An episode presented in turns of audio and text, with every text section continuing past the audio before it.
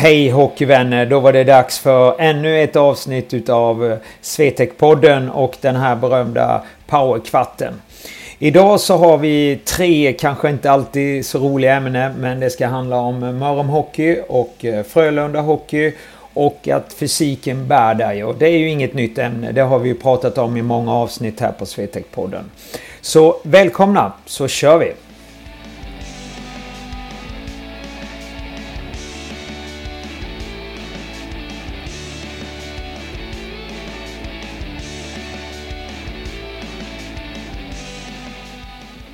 Ja, nu har det ju gått eh, lite tid sedan förra poddavsnittet som var första januari. Och eh, ja, det har väl inte hänt så många grejer mer än att vi har våra utbildningar och eh, fantastiskt, eh, det bokar på sig eh, i framtiden och sommaren eh, blir bättre och bättre. Fick in två nya ledare då bland annat och sådär så att det händer någonting hela tiden i Swetec. Men det är inte det det ska handla om i första ämne här. Utan det ska handla om, kanske tycker jag, lite tråkiga saker och just det här med värdegrunder. Ehm, I veckan så hade eh, hockeyklubben Mörrum Hockey en presskonferens och det var i tisdags. Ehm, man, eh, om vi tar lite bakomliggande information så har man ju under många år satsat att eh, ja, etablera sig i toppen i division 1 och man har ju under många år och historik bakåt alltid haft lite ekonomiska problem i den här klubben och man har haft några kriser under åren. Ehm, och nu kom det ytterligare en kris här under hösten. Och eh, man eh, eh, då jag tror man avsatte, om jag inte är helt ute och cyklar, eller gjorde i alla fall förändringar i styrelsen. Och eh, tog då en arbetsgrupp då som skulle reda ut de här skulderna och problemen som man hade och man släppte då spelarna till förfogande för marknaden bland annat och gjorde lönesänkningar så som man brukar göra i sådana här situationer. Man också sido, eh, tränaren då som är heltidsanställd där var ju både sportchef och eh, tränare. Men den 9 november så, så fick han släppa den posten till en arbetsgrupp då så man har en sportgrupp i Mörrum istället då. Men det är ju inte det som upprörde mig eh, så, så att jag reagerade. Utan jag har ju min egen erfarenhet som hockeytränare både i, i Sverige men framförallt i Europa och har upplevt mycket utav ja, både ekonomiska problem, framgångar och mindre bra framgångar. Eh, jag har också upplevt när en klubb har haft det väldigt, väldigt dåligt ekonomiskt och vi eh, fick våra löner utav den statliga garantin sen efter säsongen. Men vi fortsatte ju då hela säsongen och klubben sattes aldrig i konkurs. Eh, men i alla fulla fall, det som upprörde mig här det var att man hängde ut en tränare som har ett avtal till eh, nästa säsong också. Och eh, ja, rent av bara tog motorsågen och sågade av han helt enkelt. Det tycker inte jag är värdigt och jag tycker inte att man har värdegrunder riktigt och att man som, kan, som person eller personer verkligen utsätta en annan människa för detta. Det, det tyckte jag var magstarkt helt enkelt. Och det, det gjorde mig att eh, ja, det, det, det, som ni förstår, och många har ju reagerat på detta. Det här var inte positivt för Mörrum Hockey.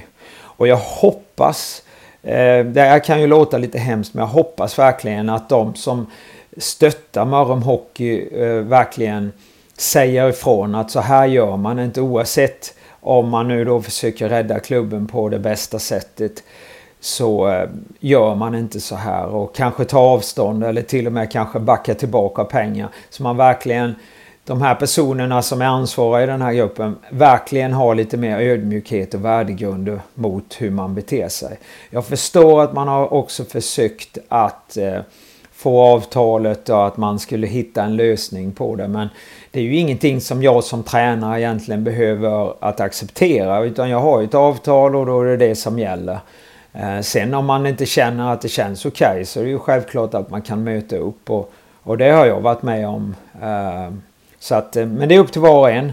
Men framförallt så sågar man ju inte någon utav, alltså efter knylarna som man säger. Där, gjorde mig upprörd och många andra människor.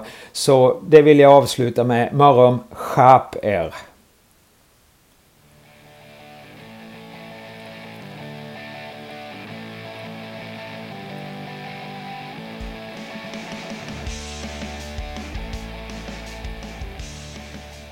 Ja, vi fortsätter kanske lite i samma spår faktiskt.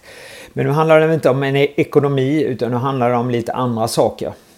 För många, många år sedan så äh, tränade jag ju och tränar fortfarande bland annat John Dahlström och Simon Edvinsson och flera utav andra spelare som håller till på västkusten. Äh, men det alla de här spelarna har gemensamt det, det är Frölunda Hockey. Alla de här spelarna har spelat i Frölunda Hockey eller spelar i Frölunda Hockey. De, eh, då, när de var yngre så fick de besked om att de inte fick ta extern hjälp för att bli bättre som hockeyspelare. Och eh, redan på den tiden så tyckte jag ju att det var ganska skrämmande egentligen för att så länge man sköter sin klubbträning och gör där allting som det behövs så har ju inte klubben med att göra vad jag gör vid sidan om. Utan de har ju ingen författning som typ Ryssland att de ska styra era, e-, era liv. Utan eh, det är ju när man har sin hockeyträning, fysträning och matcher så ska man givetvis vara där i klubbens förfogande. Men vad man gör med den övriga tiden det har ju inte egentligen klubben någonting med att göra. Men Frölunda på den tiden hade ju som så då att man förbjöd spelarna helt enkelt att ta den här externa hjälpen. Idag fick jag ett samtal. Vi har en backläger i helgen. Och eh, där hade vi bland annat eh, någon spelare, eller några spelare från Frölunda och en spelare där då ringde till mig och sa vad klubben hade sagt. Och man har alltså det fortfarande. Man förbjöd helt enkelt eh, den här spelaren att ta extern hjälp. Eh, jag blev nästan chockad för jag är 2023. Om det var kanske 2010 eller 2009 då, som de andra situationerna var i. Det kanske man kan köpa lite grann. Men det här 2023. Att man inte har kommit längre Frölunda Hockey det är för mig det är ju det är helt osannolikt. Frölunda Hockey har ju säkert väldigt många bra saker men man har ju också saker som man kanske måste ta tag i. Och inte kanske tro att man är bäst i allting. Nu säger ju inte jag att jag är bäst i någonting. Men jag har ju ändå varit med och tagit fram lite backar. Och eh, om nu en back på sin fritid vill ta och bli bättre som back så gynnar det ju Frölunda i slutändan. Så varför ska man då förbjuda någon? För i slutändan så är det ju nämligen som så att om när den här spelaren blir kanske 16-17 eller upp till 19-20 också där. Så är det ju inte säkert att Frölunda vill ha kvar han och då bara kastar de ju ut han. Och då kanske det beror på bland annat att man hade brist i sitt backspel. Och det vill ju den här spelaren bli bättre på. Men det har ju då Frölunda orsakat att han inte får den möjligheten. Så ni får väl värdera vad ni tycker är bäst. Men jag tycker det här är osannolikt helt enkelt att man Jobba på, fortfarande 2023 på det här sättet. Så jag säger som jag sa om morgon. Frölunda Hockey, skärp er!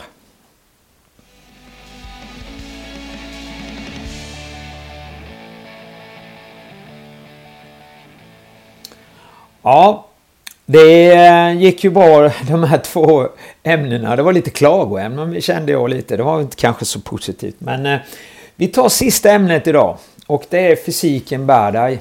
Och det här är ju som sagt var inget nytt tema utan nästan varje avsnitt som vi pratar på podden så handlar det faktiskt om fysisk träning. Och det kommer jag nog prata om i alla avsnitt så länge jag står på mina två ben. För att jag träffar ju som sagt var väldigt, väldigt mycket hockeyspelare eh, under säsongerna och eh, från alla möjliga olika nivåer också och åldrar.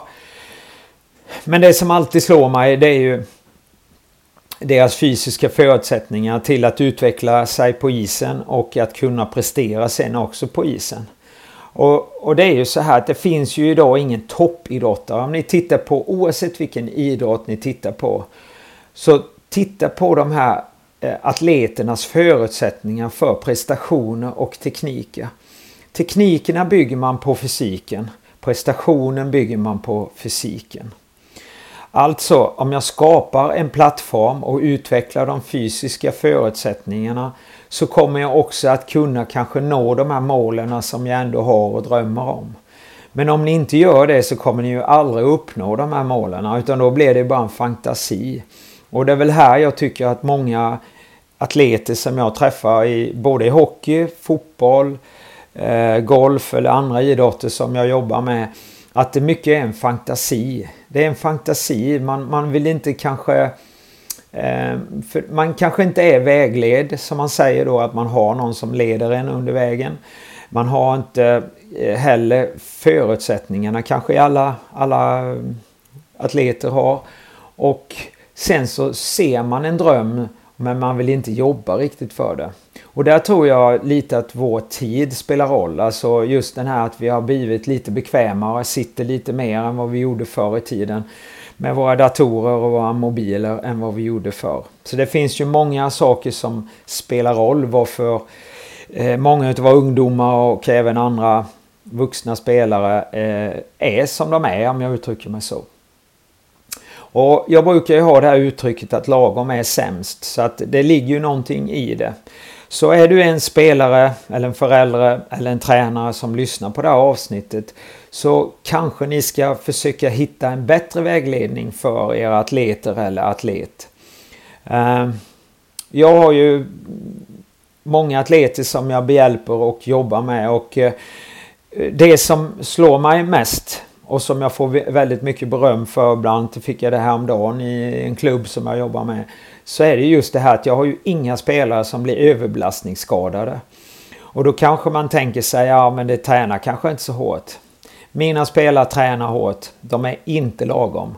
Så vi tränar hårt under smarta förhållanden hela tiden och smarta eh, proggar. Och det gör ju att de inte blir skadade och vi lär dem teknikerna hur de ska utföra rörelserna. Eh, och det är ju en kunskap jag har förvärvat under åren när jag har läst både medicin och när jag har sett hur eh, mina atleter och adepter har jobbat.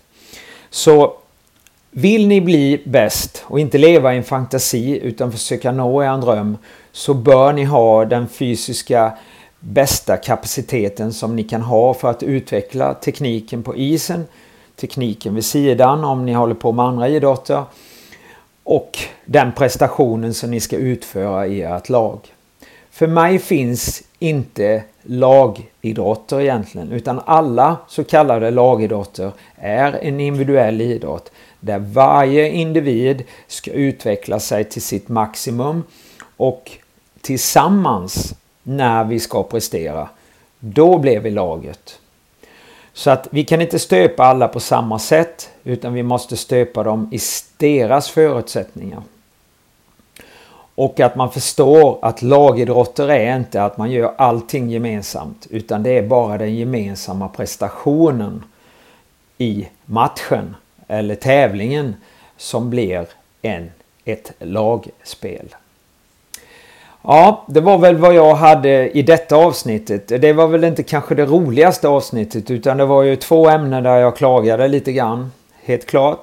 Men eh, det handlar om värdegrunder och värdegrunder måste vi ha. Vi måste behandla alla människor lika. Och eh, vi måste också titta vad vi har framför oss och se möjligheten i de människorna vi har. Ehm, sen ibland måste vi ta lite sura beslut.